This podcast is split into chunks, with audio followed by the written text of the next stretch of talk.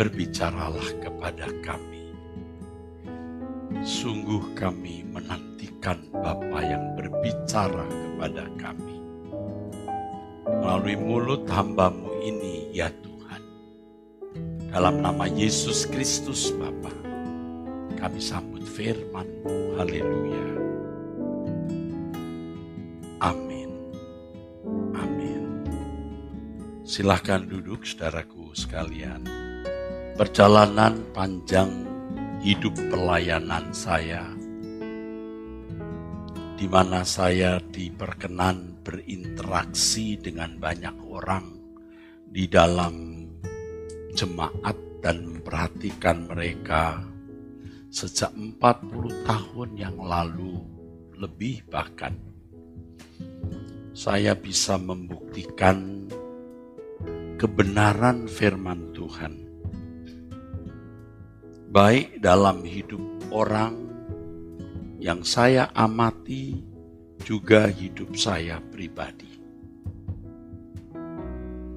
Firman Tuhan mengatakan di dalam Mazmur pasal 34 ayat yang ke-9 dan 10. Takutlah akan Tuhan hai orang-orang yang orang-orangnya yang kudus sebab tidak berkekurangan orang-orang yang takut akan Dia.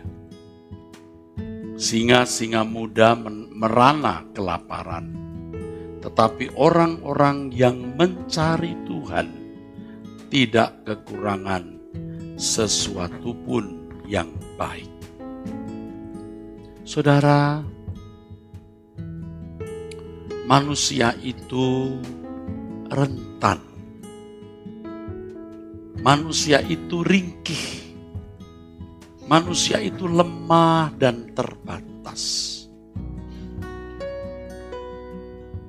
Orang yang memiliki banyak uang secara materi berlimpah tidak luput dari keadaan-keadaan di mana mereka tidak mengalami kesejahteraan dan ketenangan entah karena penyakit yang mengancam nyawa mereka atau orang-orang yang mereka cintai, entah ancaman dari pihak-pihak orang-orang yang tidak suka mereka. Mereka harus masuk dalam persoalan hukum dan di antara mereka masuk penjara atau orang yang mereka cintai masuk penjara dan lain sebagainya. Ini belum lagi kematian, saudara. Belum lagi kematian. Manusia itu ringkih, rentan, lemah, terbatas. Mestinya kita menyadari hal ini sepenuhnya. Jangan sombong. Jangan sombong. Orang kaya saja tidak bisa sombong. Kalau dia kelihatan bisa membanggakan diri dengan kekuatan yang dia miliki, apakah itu uang, harta, relasi dengan pejabat, khususnya dengan aparat keamanan, tunggu. Ada masalah bisnis, masalah keluarga, masalah sakit penyakit, masalah hukum, dan yang tidak bisa dihindari lagi yang paling tragis kematian. Saya menyaksikan itu, saudara. Dan beberapa kali saya mengenal orang yang benar-benar kaya raya. Dan saya menyaksikannya ketika ada di ujung kematian. Dan itu mencelikkan mata pengertian dan kesadaran saya betapa rentannya hidup ini. Orang yang kuat secara fisik, kalau di media saudara pasti mendengar ada preman-preman yang hebat-hebat. Di antara mereka saya bertemu muka dengan muka. Di antara mereka berkata, Pak Eras beritahu saya siapa yang mengganggu Bapak, kira-kira begitu. Waktu masih di Sola Gracia dulu, Bapak bisa tunjukkan nggak alamat orang yang menggandakan CD Bapak? Tetapi juga di dalam sejarah hidupnya dia ditekuk juga oleh masalah dan tidak berdaya. Dan Bapak Ibu, saudara-saudara sekalian ini pasti mengalami keadaan di mana Bapak Ibu merasa bahwa Bapak Ibu ada di satu titik di mana Bapak Ibu ternyata tidak berdaya. Apakah karena masalah hukum, masalah ekonomi, masalah sakit penyakit, belum lagi masalah kematian. Ketika ada di ujung maut, ketika sekarat, itu baru kelihatan, saudara. Kegentaran orang terhadap realitas hidup dan di antara realitas hidup itu adalah kematian. Kalau hanya kemiskinan, kegagalan bisnis, kegagalan studi, kegagalan rumah tangga, itu masih belum menggetarkan jiwa. Tapi kalau sudah di ujung maut, itu sangat menggetarkan. Jadi saudaraku, mestinya kita menyadari kerentanan kita, ketidakberdayaan kita. Lalu kita memandang Tuhan dan mengatakan, aku membutuhkan engkau Tuhan. Yang kaya, yang terhormat, yang berpangkat saja. Satu kali akan ditekuk oleh realitas hidup. Kalau bukan kekayaan, dia sudah kaya kalau bukan relasi pejabat aparat, dia sendiri seorang pejabat tinggi. Sakit. Belum kematian. Kita tidak menunggu di ujung maut baru sadar bahwa ternyata hanya Tuhan yang bisa menjadi andalan kita. Tidak usah menunggu jatuh miskin, tidak bisa bayar uang sekolah anak, diusir, pemilik rumah karena belum bayar uang kontrak. Nggak usah nunggu ada masalah itu. Kita harus sudah mencari Tuhan dan menemukan dia. Nah banyak kita itu terus terang ya. Sudah miskin sombong. Sudah lemah belagu. Kamu tuh bukan apa-apa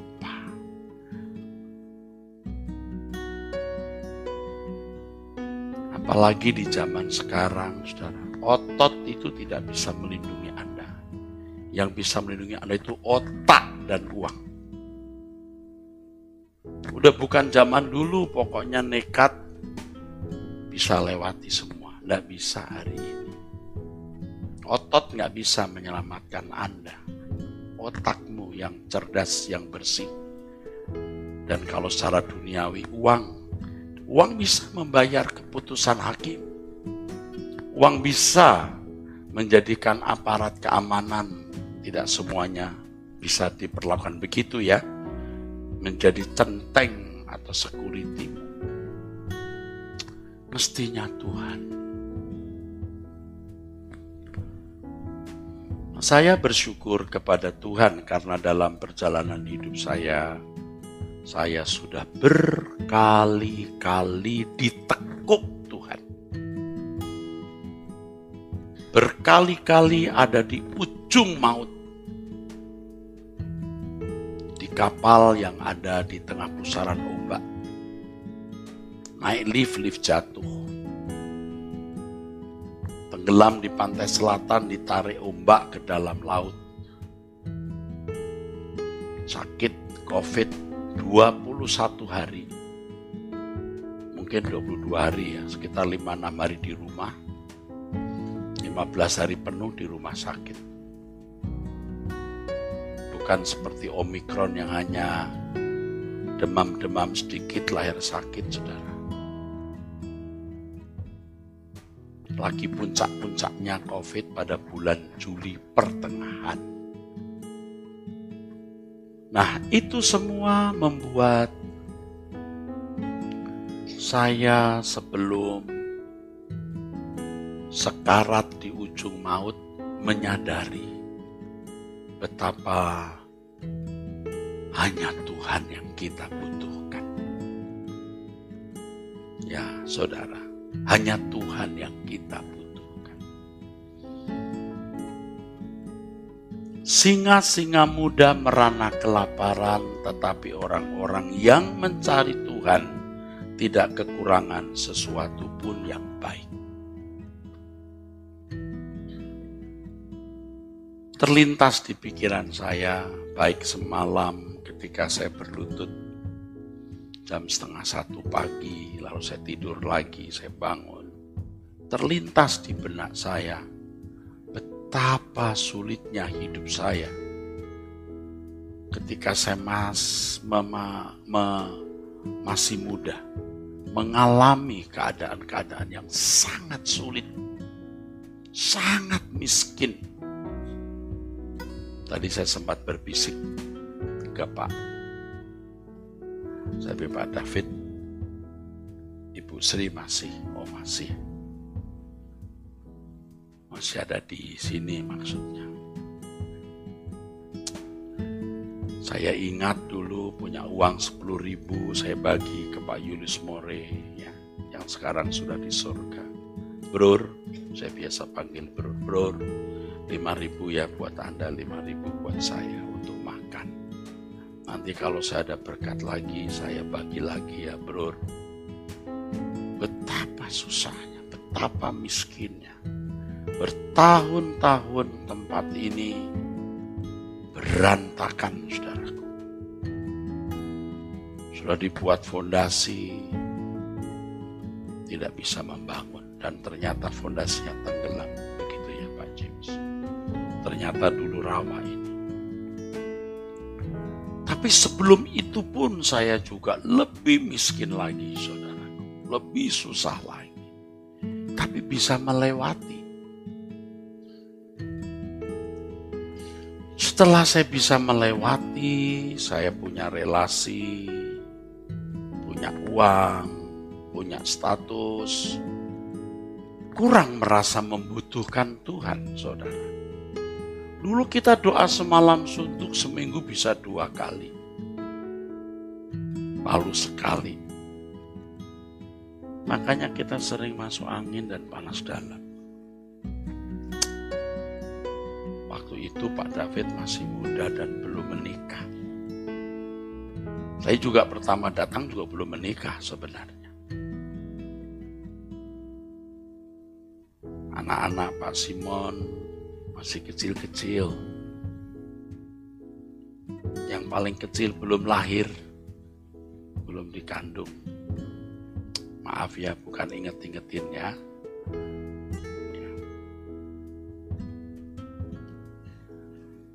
Masih sangat muda ya saudara. Nah saya mulai merasa kuat. Lalu Tuhan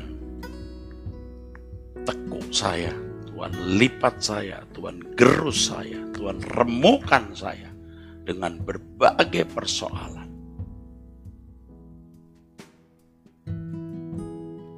Itu yang membuat saya bisa menghayati betapa rentannya hidup ini. Hari ini saya bukan lemah secara fisik. Saya kira aset saya punya petinggi negara, petinggi negara saya kenal. Tidak saya, saya sebut, tapi saya sudah duduk bersampi berdampingan dengan orang yang punya pangkat paling tinggi. Dan saya punya hubungan dengan mereka. Tetapi ketika saya mengalami atau menghadapi persoalan, tidak saya minta saya tidak minta tolong karena saya tidak mau melukai hati Allah yang kuandalkan. Bukan saya tidak kenal, saya kenal. Saya duduk berdampingan dengan beliau yang waktu itu masih bintang satu. Saya kenal, beliau kenal saya, saya kira pasti ingat. Berapa kali saya khotbah Natal di jajaran jajaran tinggi. Berapa kali saya menyampaikan khutbah di Lemhamnas. Tentu saya kenal orang-orang yang sekarang memegang kekuatan, tapi saya tidak minta tolong dalam persoalan saya. Adapun kalau ada orang menolong, bukan karena saya minta tolong, orang lain yang bicara, saya juga tidak minta, saudaraku. Karena saya tidak mau melukai hati Tuhan, saudara. Kita punya kenalan hebat, punya uang. Jangan sombong. Tetap harus Tuhan yang kita andalkan, saudara. Pikir baik-baik. Saraf tulang belakang kita sedikit terjepit, Anda sudah tidak bisa bangun. Tidak bisa bangun.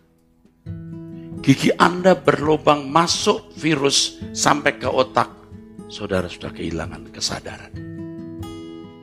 Segitu loh rentannya manusia.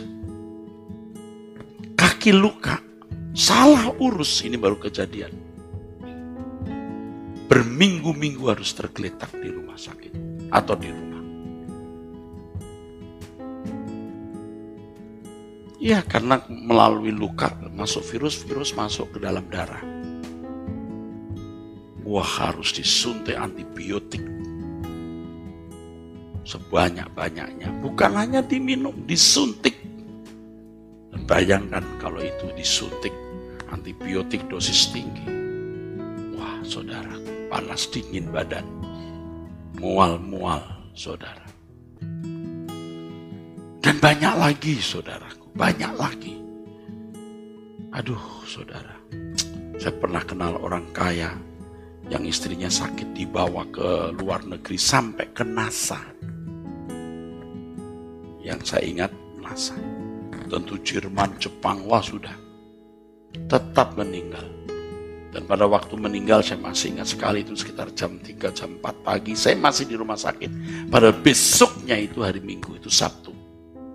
Sabtu malam sampai Minggu pagi, dini hari. Sehingga saya itu tidak tidur. Wah mata saya merah. Goyang saya. Khutbah di gereja. Tapi lain waktu saya sudah tidak bisa begitu lagi karena usia saya sudah begini, saudara. Jangan sombong. Ini masih kok banyak ibu-ibu yang aduh tidak mau sungguh-sungguh mencari Tuhan. Ya, banyak bapak-bapak yang sok jagoan. Pokoknya berani, jangan pakai otot. Itu binatang. Pakai pikiran yang sehat. Andalkan Waktu akan membuktikan apakah Anda orang yang layak dilindungi Tuhan atau tidak.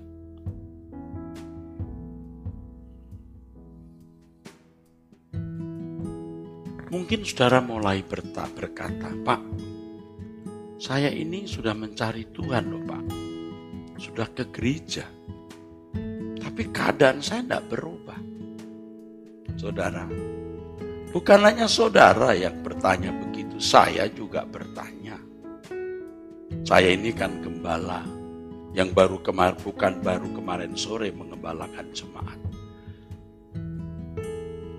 Tahun 1988-89 saya sudah menjadi gembala sidang di sini, saudara. Sudah berapa tahun itu? Sebelum itu, tahun 80, saya sudah menjadi wakil gembala sidang. Sudah 40 tahun lebih, saudaraku. Saya juga bertanya, kenapa ya Tuhan? Ini orang kan rajin ke gereja, kenapa hidupnya berantakan?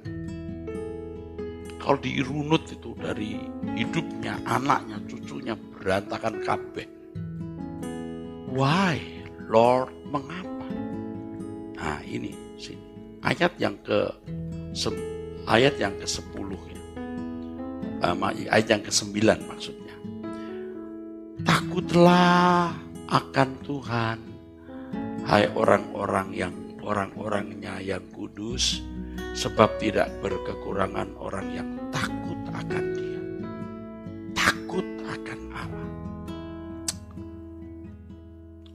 ke gereja tapi nggak takut Tuhan.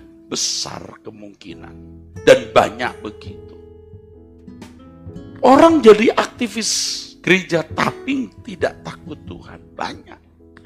Orang menjadi pendeta tapi tidak takut Tuhan. Banyak, saudara. Saudara harus mengembangkan sikap dan perasaan takut akan Allah. Dan itu bisa terus bertumbuh sampai saudara bisa memiliki kegentaran akan Allah. Dan orang-orang seperti ini bisa, baru bisa menghormati Allah secara patut dan mencintai dia secara tulus. Takut akan Allah itu membutuhkan waktu, saudaraku. Coba, sudah berapa puluh tahun, bukan belas tahun saya tulis lagu Berikan Aku Hati Takut. Itu album pertama. Sekitar tahun 90-an atau 89 atau itu album pertama itu. Berikan aku hati takut akan engkau. Apakah saya sudah takut akan Tuhan? Sudah tapi tidak memadai. Masih bisa kurang ajar terhadap Tuhan. Tetapi melalui perjalanan waktu Tuhan ajar. Bagaimana memiliki takut yang proporsional. Takut yang semestinya kepada Allah.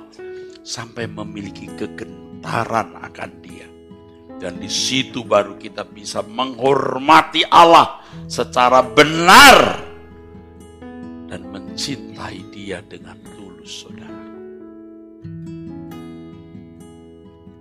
Takut akan Allah.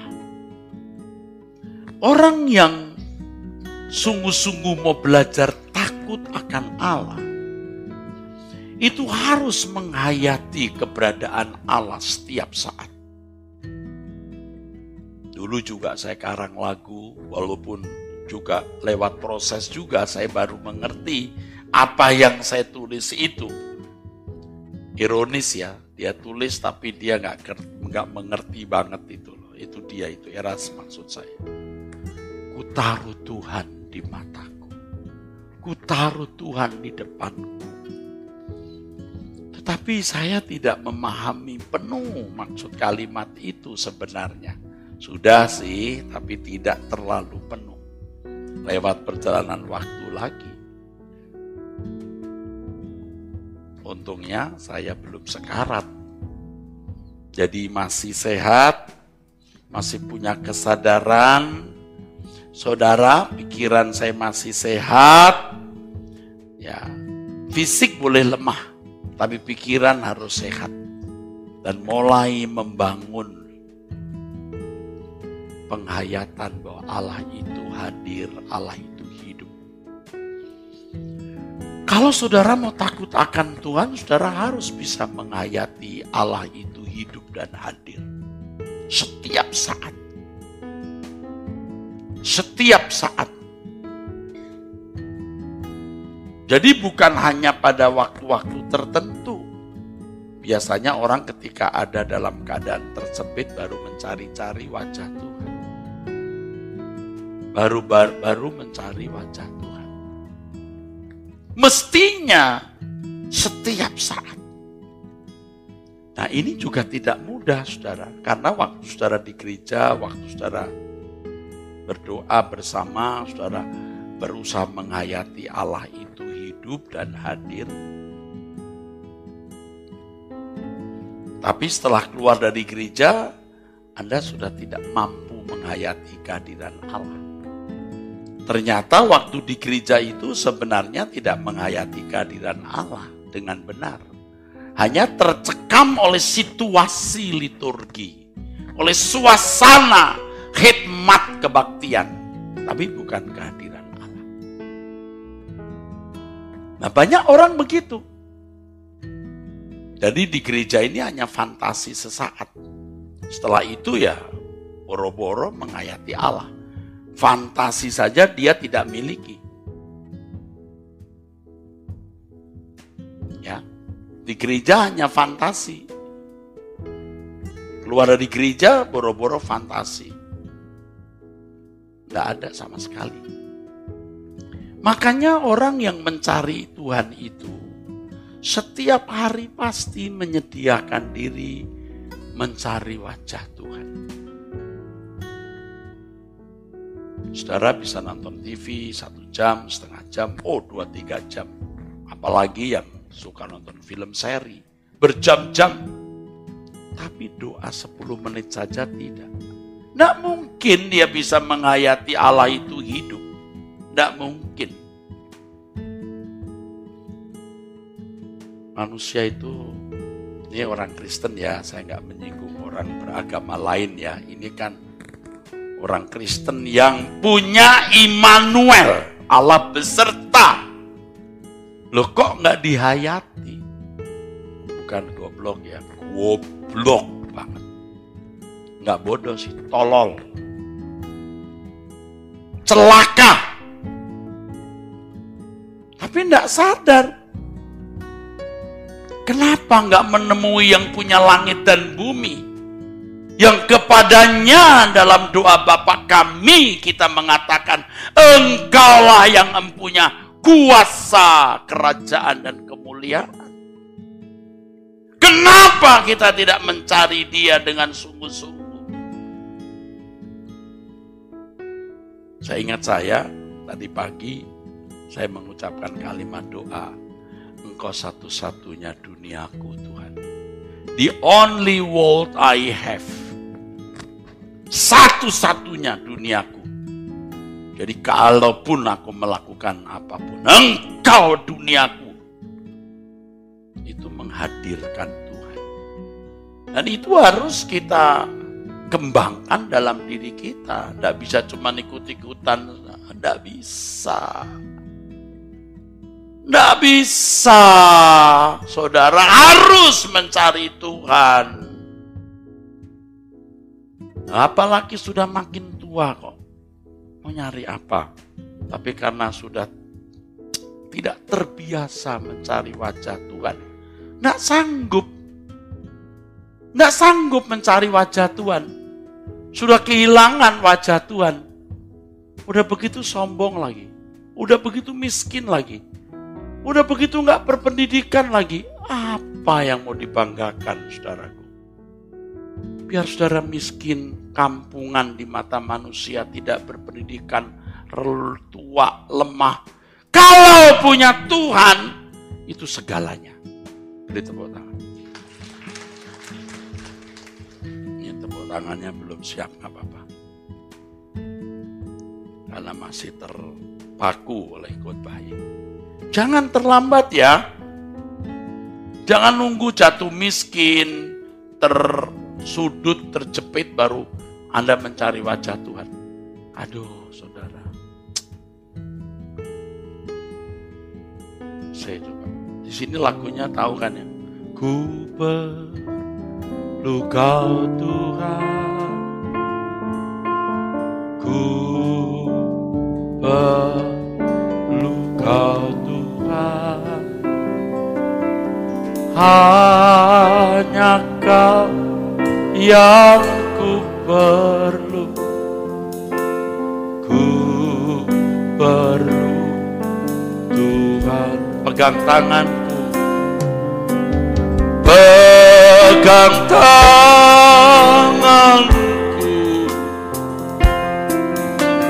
Pegang tanganku. Janganlah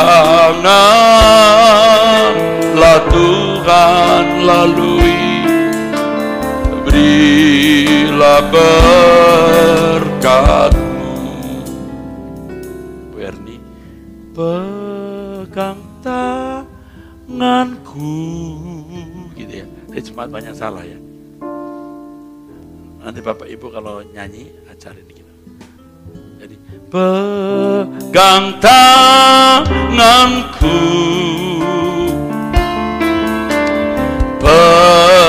genggam tanganku? Janganlah Tuhan lalui Berilah berkatmu Dengar doaku Dengar doaku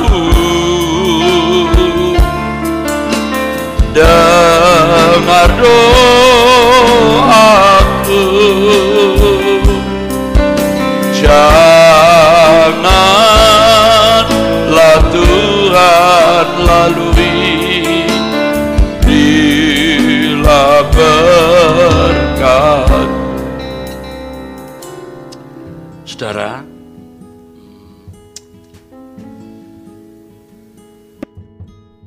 kita harus mencari Tuhan, tidak menunggu ada masalah yang mendesak. Jadi ketika kita mencari Tuhan, kita mengatakan aku membutuhkan Engkau Tuhan. Itu jangan mikir ada masalah-masalah apa pun. Yang Anda pikir adalah Engkau menjadi kekasihku. Aku menjadi kekasihmu.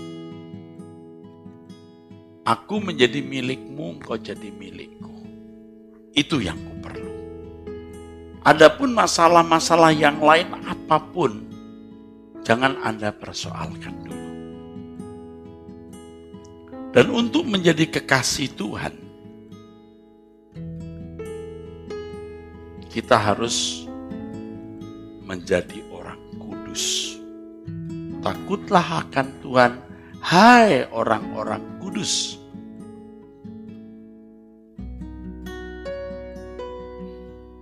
Saya belajar dari pengalaman hidup saudaraku.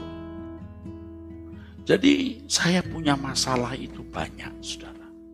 Masalah saya itu banyak sekali. Makin makin kemari kebutuhan sekolah, kampus ya, STT begitu besar kadang-kadang menakutkan, saudara. Kebutuhan pelayanan udah terlanjur besar, menakutkan, saudara. Saya suka tanya saldonya berapa? Cukup nggak untuk bulan ini?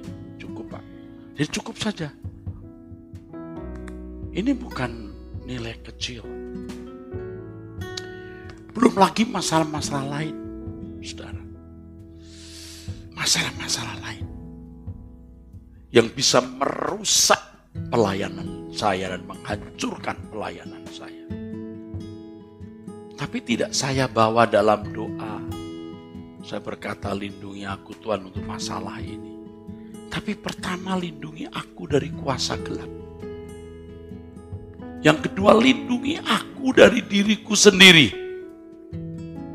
Karena daging atau manusia lama ini masih menuntut dan kalau kita puaskan kita berkhianat kepada Tuhan. Yang ketiga lindungi aku Tuhan dari pengaruh dunia sekitarku yang bisa merusak diriku. Yang keempat, lindungi aku dari malapetaka yang tidak mendewasakan. Yang kelima baru dari orang-orang yang bermaksud jahat. Dari muda saya bukan orang suci atau sempurna, tapi saya menjaga kesucian. Tahun 1987, 88, 89 itu Sri istrinya Pak Yunus itu masih muda. Dan cantik tentunya, putih. Itu ke mana-mana pergi sama saya, saudara. Naik Vespa. Saya bonceng sana, bonceng sini. Anda tanya, pernah nggak dia saya sentuh?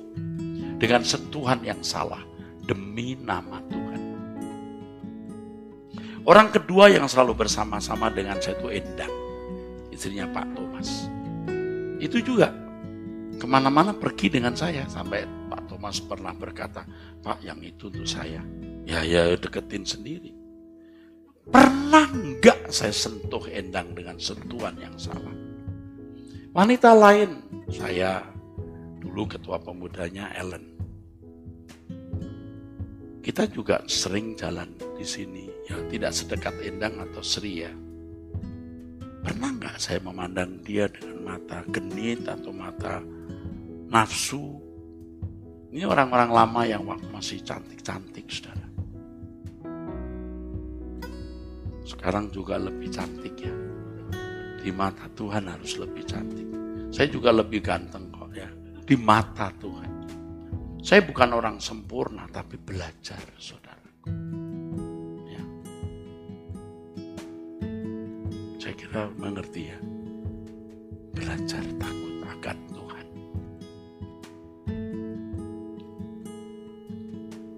Itu Ellen belum punya pacar, ya. apalagi suami. Waduh, cantik. Ya sekarang kan sudah umur berapa Ellen? 58. 58. Coba kalau 18 tahun, umur 18, 40 tahun yang lalu. Wah, beautiful. Pernah nggak saya sentuh dia atau saya pandang dengan mata yang tidak patut? Betul kan? So you can prove it what I say. Apalagi Sri Endang. Aduh, Endang itu dari sini ke rumah-rumah nginep di rumah. nonton TV bareng. Kita datang dari pelayanan, semua udah tidur, tinggal kita berdua nonton TV. Kalau Sri ya, Sri saya kenal tuh bukan hanya waktu di sini, waktu dia masih sekolah saya kira, masih remaja. Saya ketua remajanya, manggil saya tuh Kak Eras sampai sekarang. Mungkin sekarang nggak enak kali depan orang panggil bapak, Kairas. Saya tenteng sana, tenteng sini.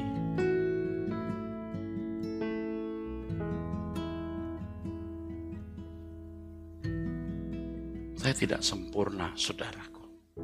Tapi saya belajar untuk hidup suci. Walaupun tidak selalu berhasil hidup suci. Tidak selalu.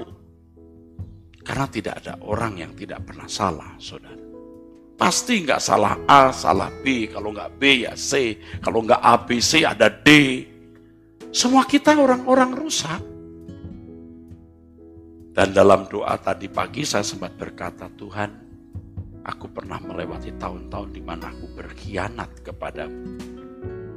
Iya, sudah merasa kuat, punya uang, nggak pernah doa semalam suntuk. Dulu kita puasa berhari-hari, tidak makan, tidak minum begitu banyak duit, nggak puasa lagi. Nah setelah Tuhan memberikan saya pembaharuan, ayo doa lagi, udah, ayo puasa, puasa deh lima hari. Habis lima hari, empat puluh hari. Habis empat puluh hari, dua minggu, kemudian tiga puluh hari. Ini gila ini pendeta. Bukan gila, mau waras. Sebab kalau tidak begini kita tidak bisa benar. Kita mau belajar mengembangkan takut akan Allah. Dengan puasa, menyediakan diri, berdoa. Kita menghayati ada Allah yang hidup. Amin. Doa tiap hari jam 5 tidak pernah meleset kecuali waktu saya sakit dan kadang pernah satu hari itu gangguan eh, internet. Selebihnya tidak gagal loh. Tidak pernah gagal. Coba saudara. Tadi pagi jam setengah satu kaget saya bangun. Wah, udah jam enam. Wah, lewat doa. Saya lihat jam, lihat oh setengah satu. Puji Tuhan saya pikir jam 6 Pak David. Kayak jam 6 gitu kan. Lihat jam mana mata kita sudah tidak terlalu jelas kan faktor U, usia. Wah, jam 6. Waduh. Wah, lewat. Wah, mau doa pagi lewat. Wah. Saya, saya dulu terus saya lihat jam. Lihat handphone. Wah, setengah satu pagi. Lalu saya berlutut berdoa.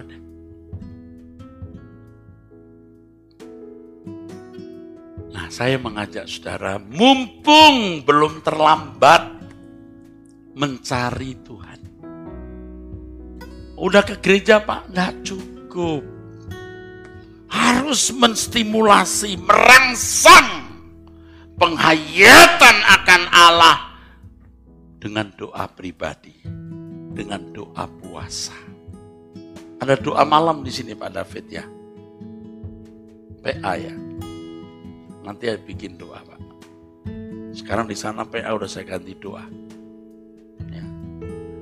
Kalau doa pagi jam 5 ya ikut ikut Pak Era saja ya. Ikut gembala senior saudara ya. Orang ada yang berkata, Allah paling tiga bulan nanti orang lain yang meneruskan. Masuk ketua sinode mau bangun setiap pagi jam 5. Tidak pernah orang gantiin. Kecuali nanti saya keluar negeri ya, saya sudah minta nanti digantikan Stephen yang juga biasa pimpin doa untuk warrior. Mungkin. Sebab di sana jam 1 pagi atau jam 2, waduh tidak mungkin. Tapi kalau saya keluar negeri misalnya ke Australia, nah mungkin bisa kalau ke Eropa atau di negara tertentu, mungkin bisa. Kalau di Australia, di sini jam 5, di sana bisa jam 9 pagi atau jam 10, saya bisa. Kalau di Eropa, di sini jam 5, Eropa jam 12, jam setengah 1 pagi. Wah, susah. Kemarin saya juga keluar negeri, saudara, karena jamnya masih bisa pakai gitar, ya kan? Stephen yang main, saya nyanyi, yang Ayo kita cari Tuhan. Ayo. Rumah saudara sempit pasti juga ada waktu yang saudara sediakan untuk mencari wajah Tuhan. Di situ kita akan menjadi orang yang menghormati Tuhan dan mencintai Tuhan dengan tulus. Kita baru bisa membangun kesucian yang benar. Tidak gampang, saudara, hidup dalam kekudusan. Itu tidak mudah. Banyak godaan-godaan di sekitar kita yang bisa membuat kita jatuh. Tapi kalau kita duduk diam di kaki Tuhan setiap hari, kita memiliki kegentaran akan dia. Dan itu yang membuat kita bisa menghayati kehadiran Allah setiap saat. Baru kita bisa membangun hidup kudus. Dan firman Tuhan mengatakan tidak berkekurangan orang yang takut akan dia. Di awal khotbah tadi saya sudah mengatakan sekian puluh tahun saya melayani, saya mengamati hidup orang, tentu saya juga mengamati hidup saya sendiri, saudara. Setelah 40 tahun, saya perhatikan orang-orang yang dulu zaman saya masih menjadi guru sekolah minggu, Tuhan, mencari Tuhan dengan sungguh-sungguh. Saya melihat anak cucunya, mereka sudah meninggal rata-rata karena waktu saya masih muda, mereka bapak ibu sudah usia 40, 50, sudah meninggal. Saya lihat anak cucunya beda dengan mereka yang tidak mencari Tuhan dengan sungguh-sungguh. Ini orang lain ya saudara. Dan sangat objektif. Dan yang paling objektif, saya lihat hidup saya. Siapa sih saya ini? bukan orang sempurna. Tapi dari muda saya belajar hidup kudus. Walaupun tidak selalu saya berhasil. Sombong kalau saya berkata tidak pernah berbuat dosa. Kalau tidak berbuat dosa A, pasti B. Kalau nggak B, ya C. Kalau nggak A, B, C, masih ada D. Pasti ada salah. Kalau A dosanya nggak 10, ya pasti 4 atau 3. Mesti ada. Tapi ke depan, jangan berbuat dosa. Sekecil apa pun, sehalus apa pun. Katakan amin. Karena inilah yang membuat saudara terlindungi oleh Tuhan. Ada lagu yang saya tulis yang referennya begini Bu Erni, yang agakku hidup tak bercela di hadapanmu menjadikan satu-satunya bahagiaku agar ku layak dalam perlindungan dan pantas percaya padamu. Lagu depannya apa itu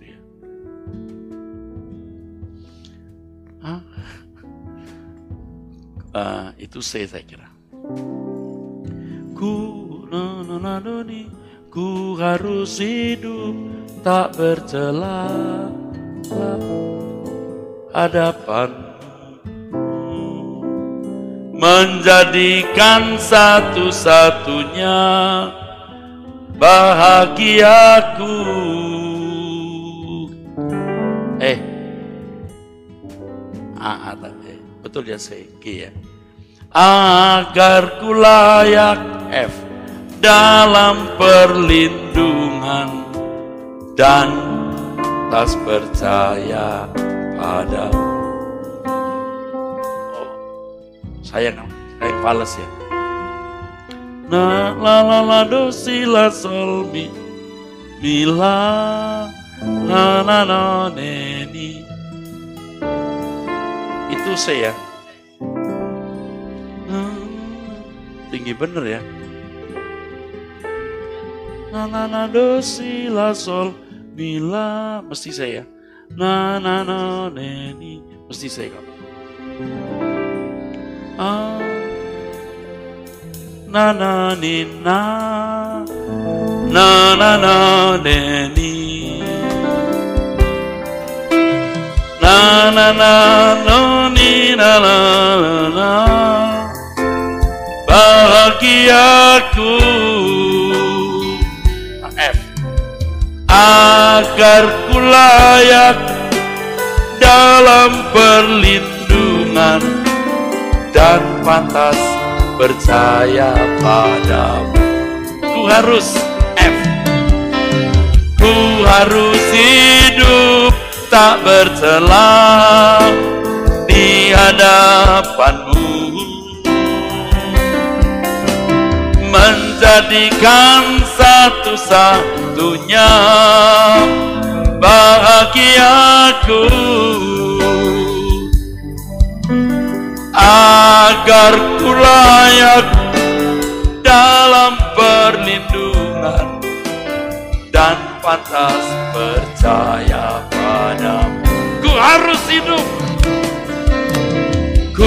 harus hidup tak bercela di hadapanmu. Menjadikan satu-satunya bahagiaku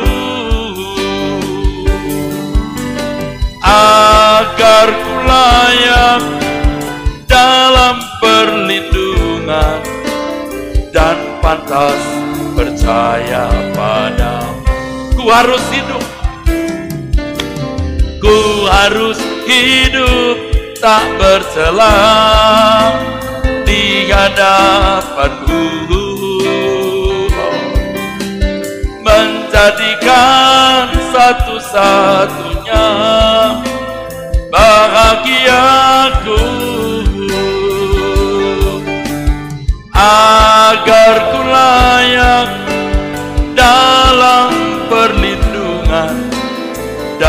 dan pantas percaya padamu. Saudara nyanyikan, mari. Ku hidup tak bercela di hadap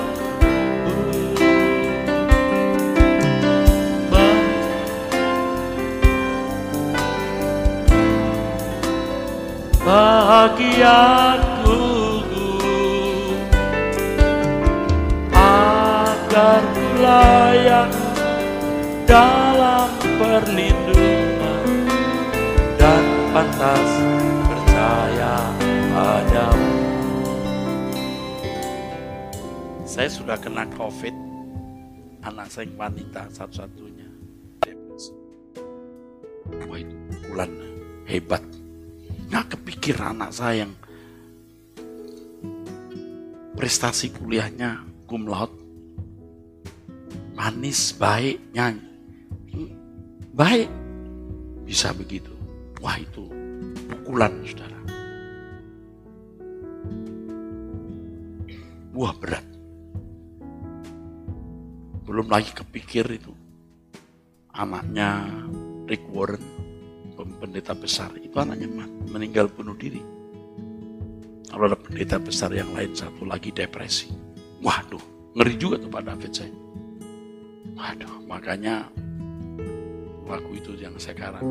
Ku perlu kau Tuhan. Gak bisa kan kamu ras? Gak bisa kan? Ah itu, Tuhan tekuk saya. Tuhan gerus saya. Tapi gak usah nunggu kita begitu. Nah kalau saya mengalami itu karena memang saya harus jadi kelinci percobaan. Supaya saya bisa menasehati orang. Setelah itu radikal sekali perubahan saya, radikal sejak itu. Sejak sakit covid ini. Puasa. Siapa sih orang yang mau puasa 5 hari, 40 hari, 30 hari. Sering 24 jam, sering 24 jam. Kadang-kadang hanya 20 jam betul. Tapi sering 24 jam, sering lebih 24 jam. Kalau kita makan misalnya jam 5, jam 6, besoknya jam 8 habis kebaktian.